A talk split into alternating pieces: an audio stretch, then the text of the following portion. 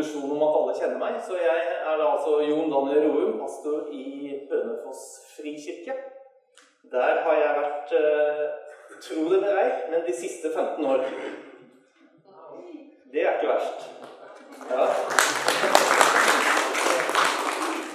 Jeg bor da jeg er, så, jeg er så utrolig heldig sånn at jeg bor på Veme. Kan tenke noe bedre sted.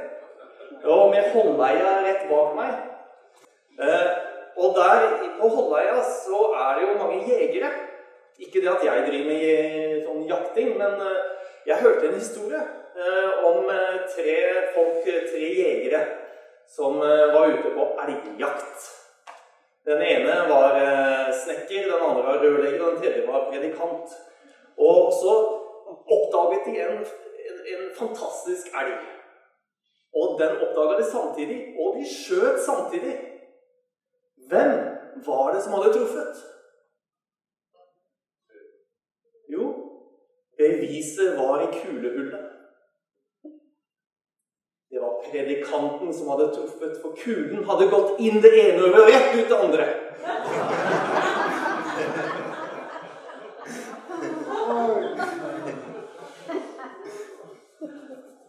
Så vi får håpe det går litt bedre i dag. Eh, Da jeg fikk spørsmål om å tale, så spurte jeg hva er temaet? Hva er det jeg ønsker at jeg skal tale om? Nei, sa jeg. Jeg er ikke så god til dansk, men eh, Jo, forresten, sa han. Det ånden leder til. Så da fant jeg ut der og da Temaet i dag er 'Det ånden leder til'. Og det er jo faktisk et veldig viktig tema. I Romerne 8,14 så står det alle som drives av Guds ånd, er Guds barn. Hvis vi snur dette rundt er du Guds barn, drives du av Guds ånd. Drevet av Ånden. La oss be. Herre, Herre, vi takker deg for at vi har fått den, den fantastiske gaven av nåde til å være Guds barn.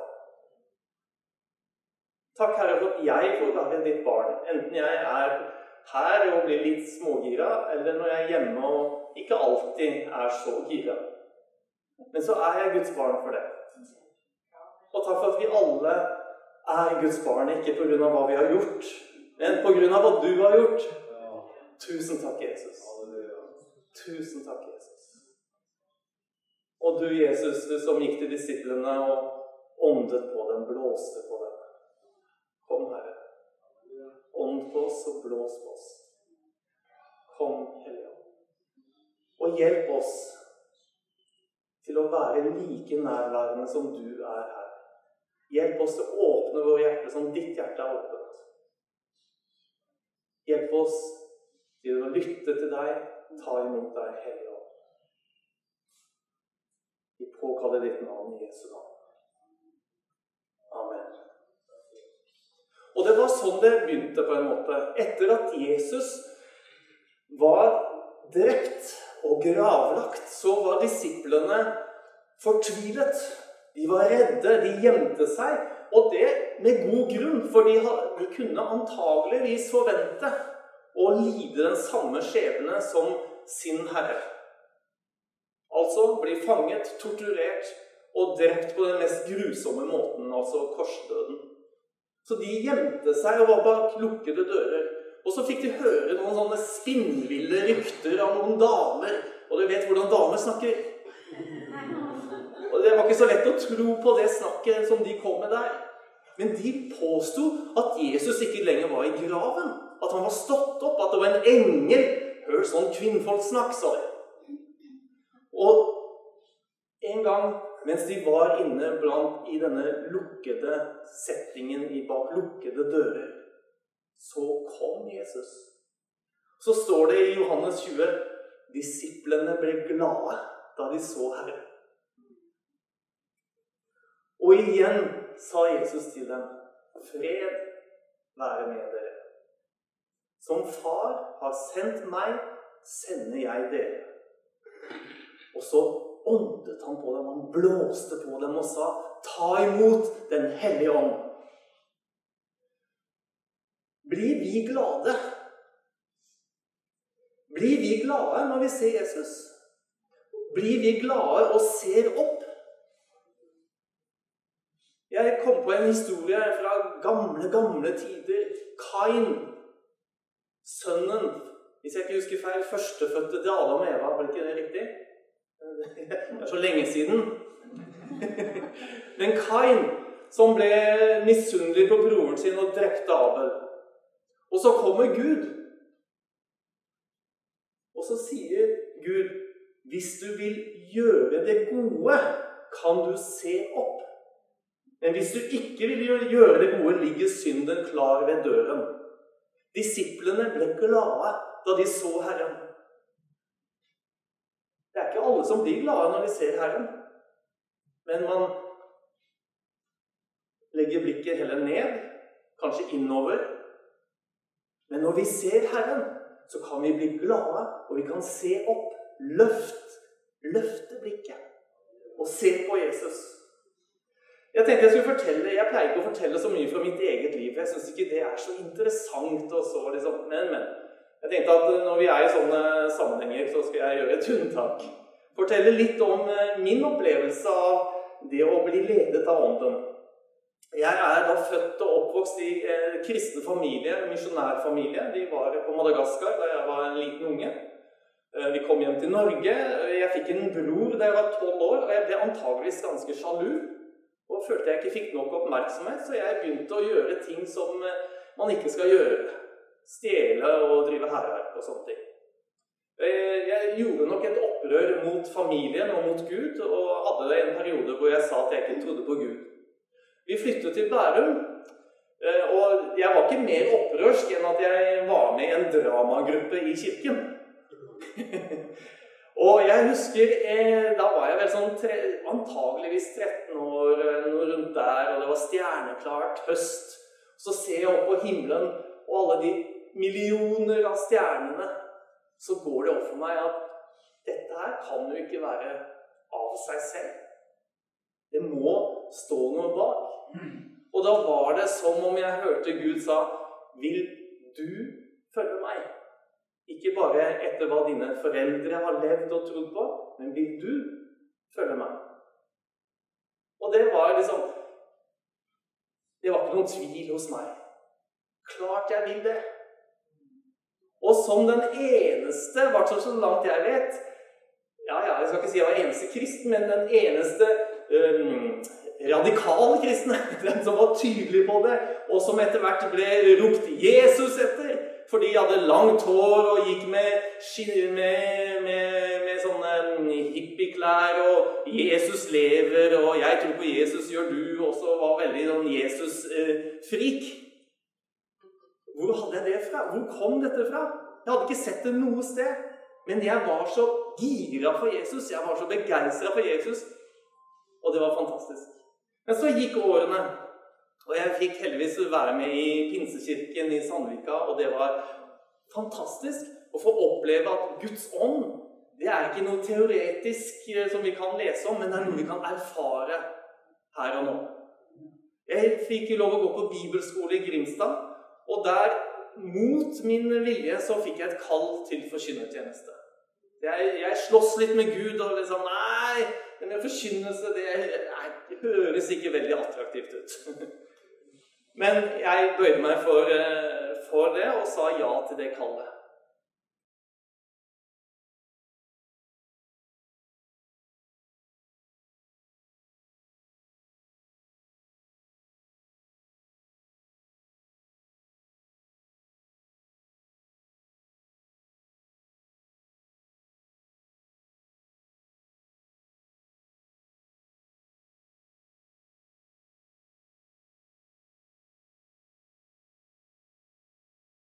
Jeg gjorde det dårlig på skolen. Jeg hadde tatt en praktisk utdannelse som jeg følte var ren fiasko. Jeg hadde jo ikke artium engang. Og så var jo jeg liksom, Min oppvekst er i Den norske kirke. Så jeg tenkte prest, syv år utdanning pluss artium. Ti år. Ja, det kan du tro, Gud. Det får jeg ikke til, jeg, sa jeg, sa jeg til Gud. Så var det som om Gud sa Men tror du ikke jeg får det til? Og det måtte jeg jo bøye meg for. Jo, det tror jeg du får til. Og så gikk det en liten stund til, og så fikk jeg en fantastisk kjæreste. Og jeg var oppover ørene forelska. Og vi, vi, gikk i Oslo Vinjard og Pinsekirken og åndsfylt og nyforelska. Kan tenke deg hva ekstase hele tida. og mens vi var i den settingen, og det var en natt vi hadde sittet og prata og bare vært stille sammen hele natta Plutselig jo, så, så var det det at min kone hadde fått det for seg at skulle hun gifte seg med meg, så skulle hun bli misjonær. Ja, det, liksom, det var noe hun visste. Og jeg sa nei, det, det har jeg ikke tenkt til. Skal ikke bli misjonær, jeg, nei. Men i denne nyforelska fasen plutselig så opplevde jeg å være, i en, være et annet sted. Det var en form for bortrykkelse. Eh, eller visjon, om du vil. Og jeg så en afrikansk landsby, og jeg, jeg, jeg luktet det. Jeg var der. Og Elin hun så at nå var det noe som skjedde, så når jeg våknet opp igjen, så sa jeg vi skal til Etiopia. For det var dit hun hadde fått kalt til. Og vi reiste til Etiopia. Og der møtte jeg da eh, noen fantastiske misjonærer fra Den evangelisk-lutherske frikirke. Det er fine folk, Frikirken, vet dere. Ja. Eh, så vi, det gikk opp for oss at eh, det er nok der vi skal være. Så da vi kom hjem til Norge fire år senere, så, eh, så, var det ganske tydelig Jeg begynte med litt teologisk utdanning, og sånn, og så var det tydelig for oss at det er nok Frikirken hvor vi skal tjenestegjøre. Og kona mi liker å ha litt orden på ting. Så hun så på kartet og tenkte hennes foreldre bor i Bærum, mine foreldre bor i Drammen. Og hvor er det frikirkemenigheter? Jo, Hønefoss. Det er jo midt imellom. Det hadde vært perfekt. Så gikk det et halvt år, og så jommen meg ringte ikke eldstebroder fra Hønefoss frikirke og spurte kunne du tenke deg å komme og forkynne. Og så ledet det ene til det andre. Og vi opplever det sånn at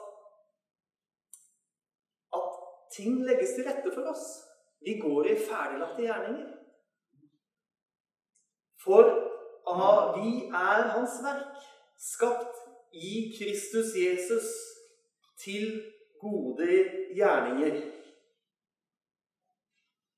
Vi har fått lov å gå i ferdiglagte gjerninger. Og det er fantastisk når man ser litt sånn tilbake hvordan Gud har ledet skritt for skritt. Og jeg vet at de aller fleste av oss vi har hatt sånne enkelte opplevelser at Gud har ledet skritt for skritt. Og så er det allikevel ikke så lett. Når jeg forberedte denne talen, så kom jeg på en historie fra Bibelen. I Lukas 8. Hvor det står mens de seilte, falt han, altså Jesus, i søvn. Da kom det en virvelstorm kastende over sjøen. Båten begynte å fylles med vann, og de var i stor fare. De gikk bort og vekket ham og sa, 'Mester, mester, vi går under.' Da reiste han seg og truet vinden og bølgene, så de la seg, og det ble blikk stille. Han sa til dem, 'Hvor er deres tro?' Eh, kirken den er tradisjonelt blitt beskrevet som et skip. Kirkeskipet. Så hvis dere går inn i gamle, gamle kirker, så vil dere gjerne se et kirkeskip hengende der. Det er et bilde på menigheten, og vi er en del av menigheten. Vi er i denne båten. Og når disiplene opplevde at en virvelstorm kom, og de ble redde, så er det en grunn til at de ble redde, for dette var erfarne fiskefolk.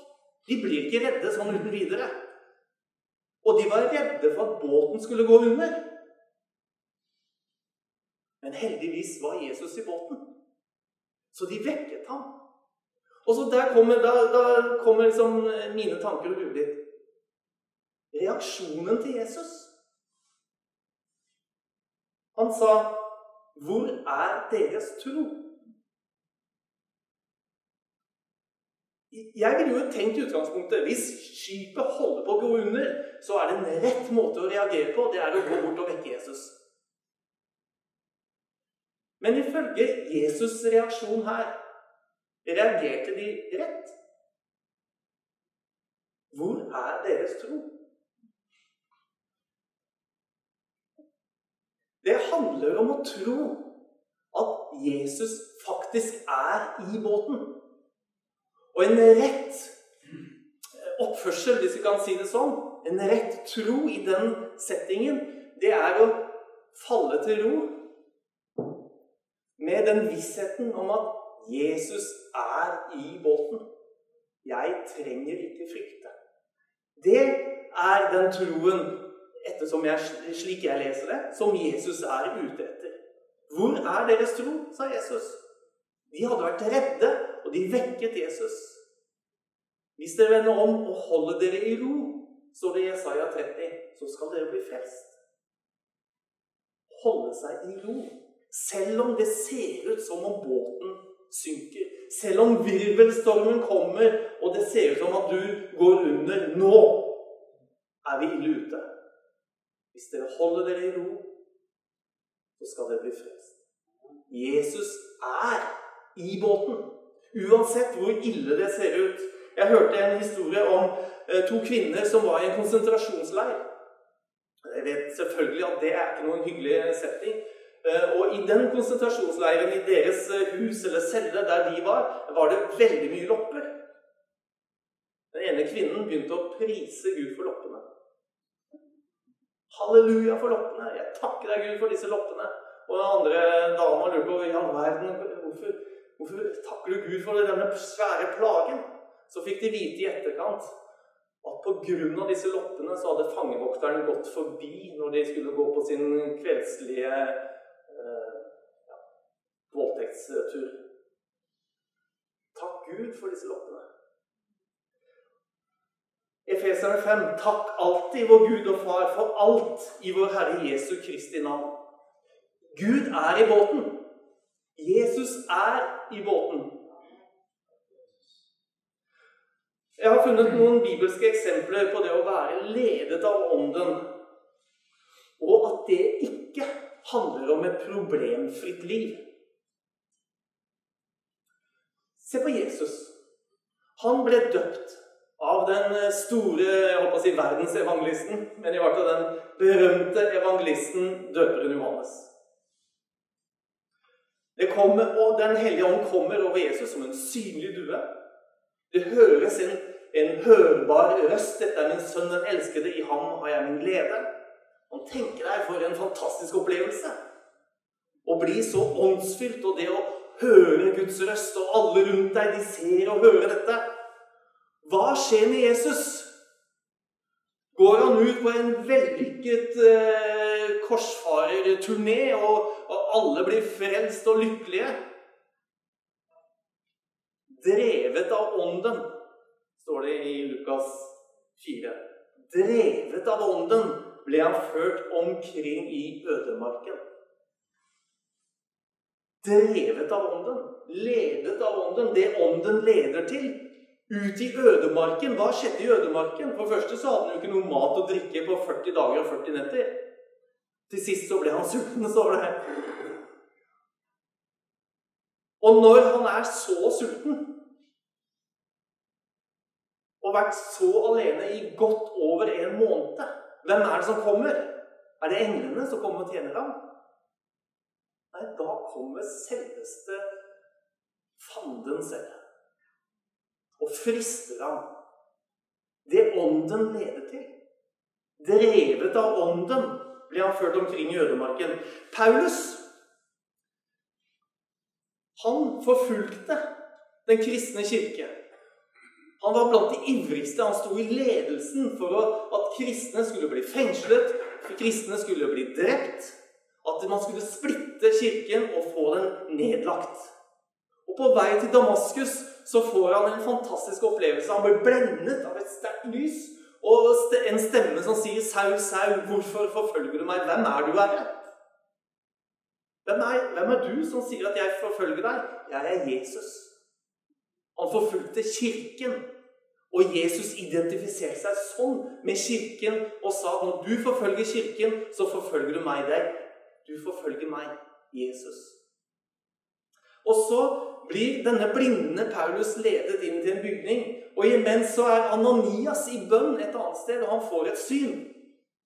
Og til ham så sier Herren Gå, altså gå til Saulus eller Paulus, for jeg har utvalgt ham som mitt redskap til å bære mitt navn fram for hedningfolk og konger og for Israels folk. Så langt knallbra. Jeg er med. Men så fortsetter Gud. Og jeg skal vise ham, som ånden leder til, det ånden leder til Jeg skal vise ham alt han må lide for mitt navns skyld. Det er herlig å være åndsfylt, er det ikke det? Det ånden leder til.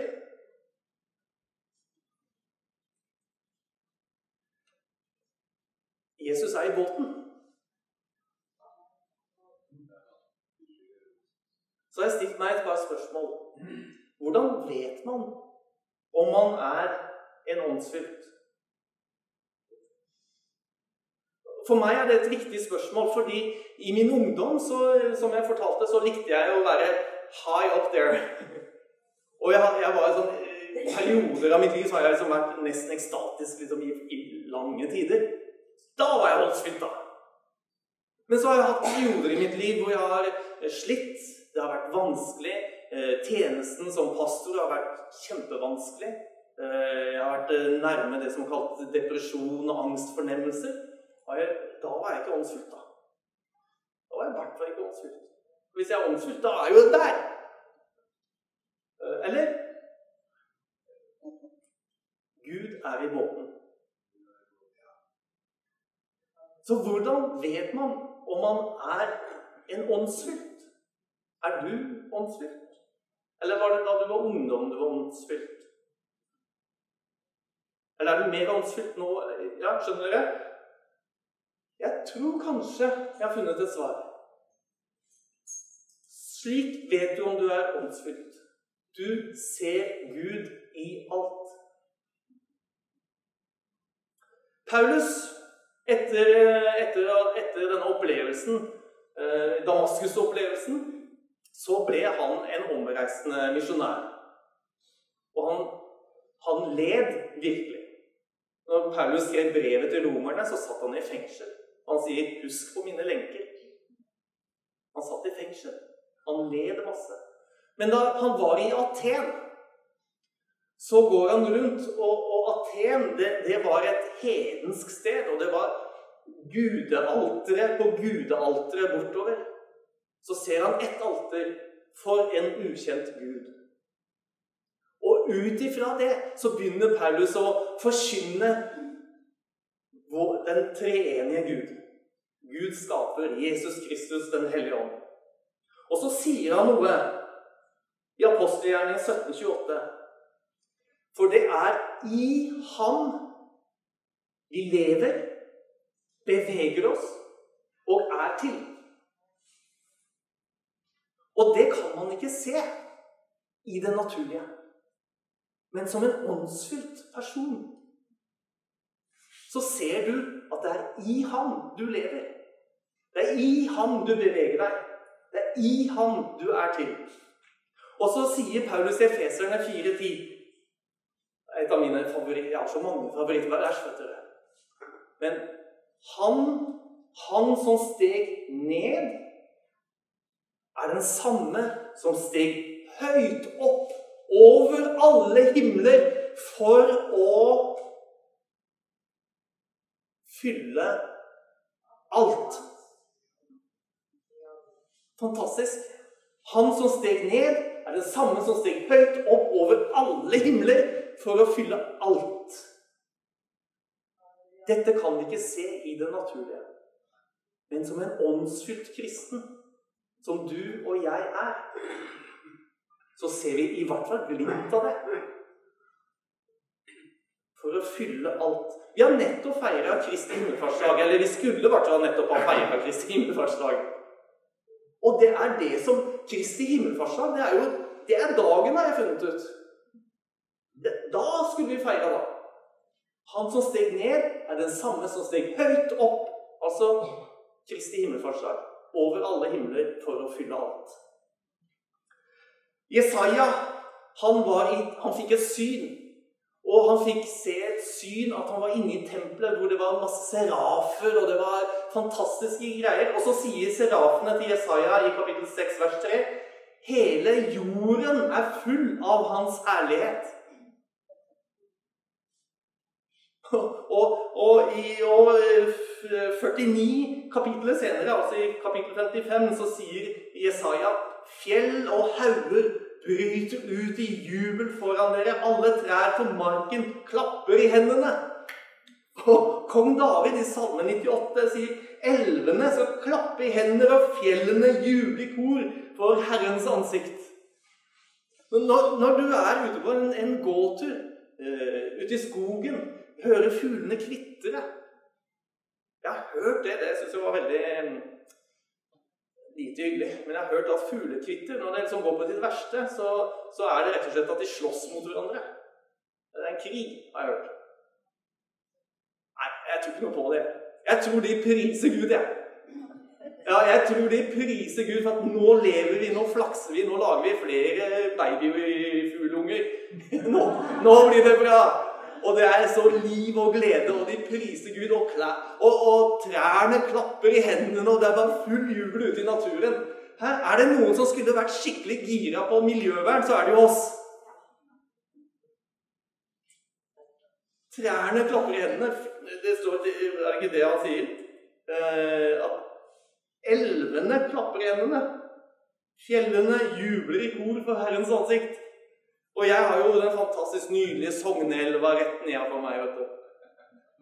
Tenk på hvordan den klapper i hendene for Herren, dere. Hæ? Det er nydelig.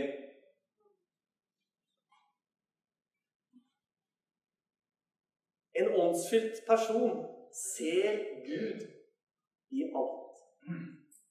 Elver som klapper i hendene, trær som jubler, fugler som priser Gud av hjertens jubel.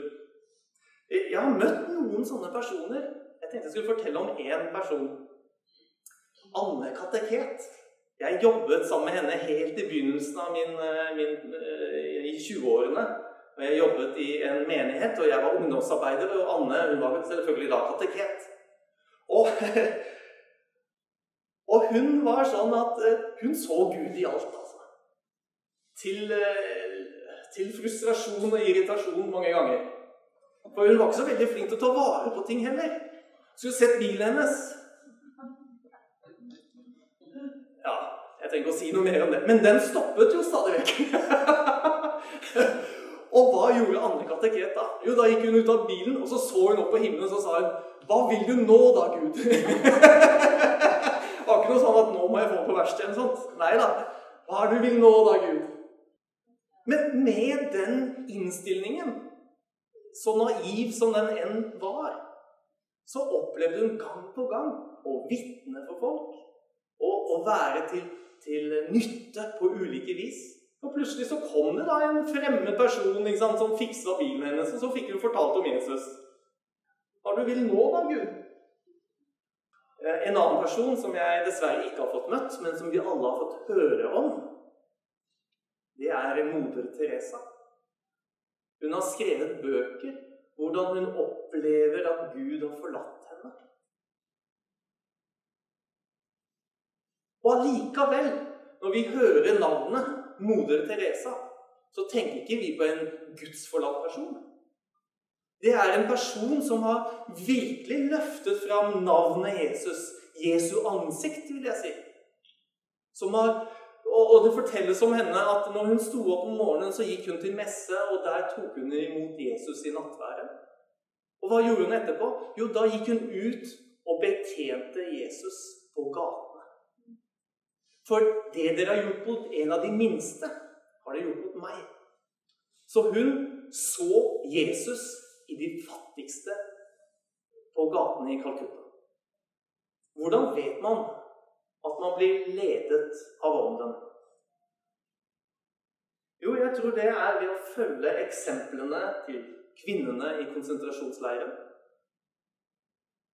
Jesus, Paulus, Jesaja, kong David, Anne kateket og moder Teresa.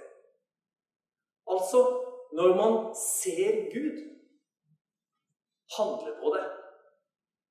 Uansett kostnad.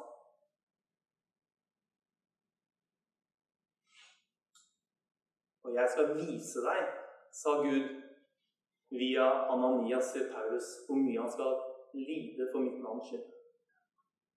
Når disiplene var i båten, og Jesus tydeligvis hadde sovna, og en virvelstorm kom, så ble de redde.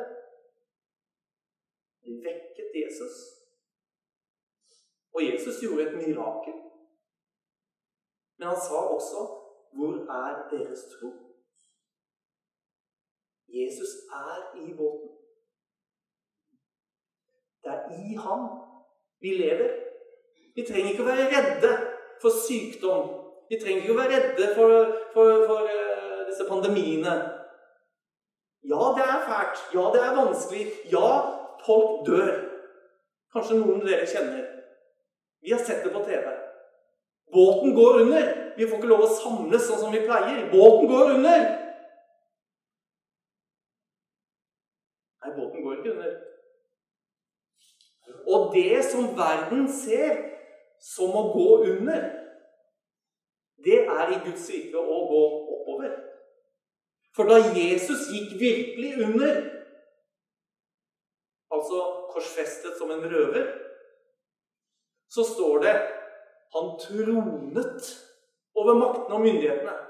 Han seiret over dem på korset. Så når verden ser at vi går under, så går vi ikke under. For det er bare ved det naturlige øyet. Selv om vårt ytre menneske går til grunne, så fornyes vårt indre dag for dag.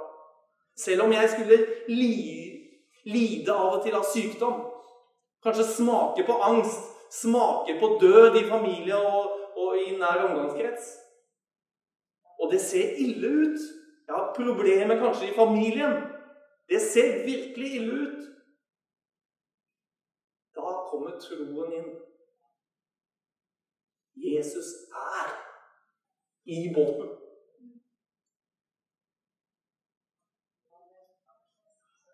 Han som steg ned, er det samme som steg høyt opp over alle himler for å fylle alt. Dette fikk Åge Samuelsen en glimt av. O Jesus, du som fyller alt i alle. Kom, Hellige Ånd, og åpne våre øyne. Kom, Hellige Ånd, og fyll oss med tro. Fyll oss med ånd, sånn at vi kan se med åndens øyne at Jesus er i båten. At vi kan se med åndens øyne elvene som klapper i hendene, og fjell og hauger som bryter ut i jubel, og fugler som gleder seg over ditt nærvær, og lovprise deg. Åpne våre øyne, så vi kan se at hele jorden er full av Hans herlighet. Og gi oss en takknemlighet til at hele jorden er full av Hans herlighet. Og gi oss en, en sånn takknemlighet er at vi er villige til å handle på det, her. Uansett hvordan. Uansett hvordan vår situasjon er. Om det ser ut som vi går under eller ikke. Jesus er i båten, og Jesus har all makt i himmelen og på jorden.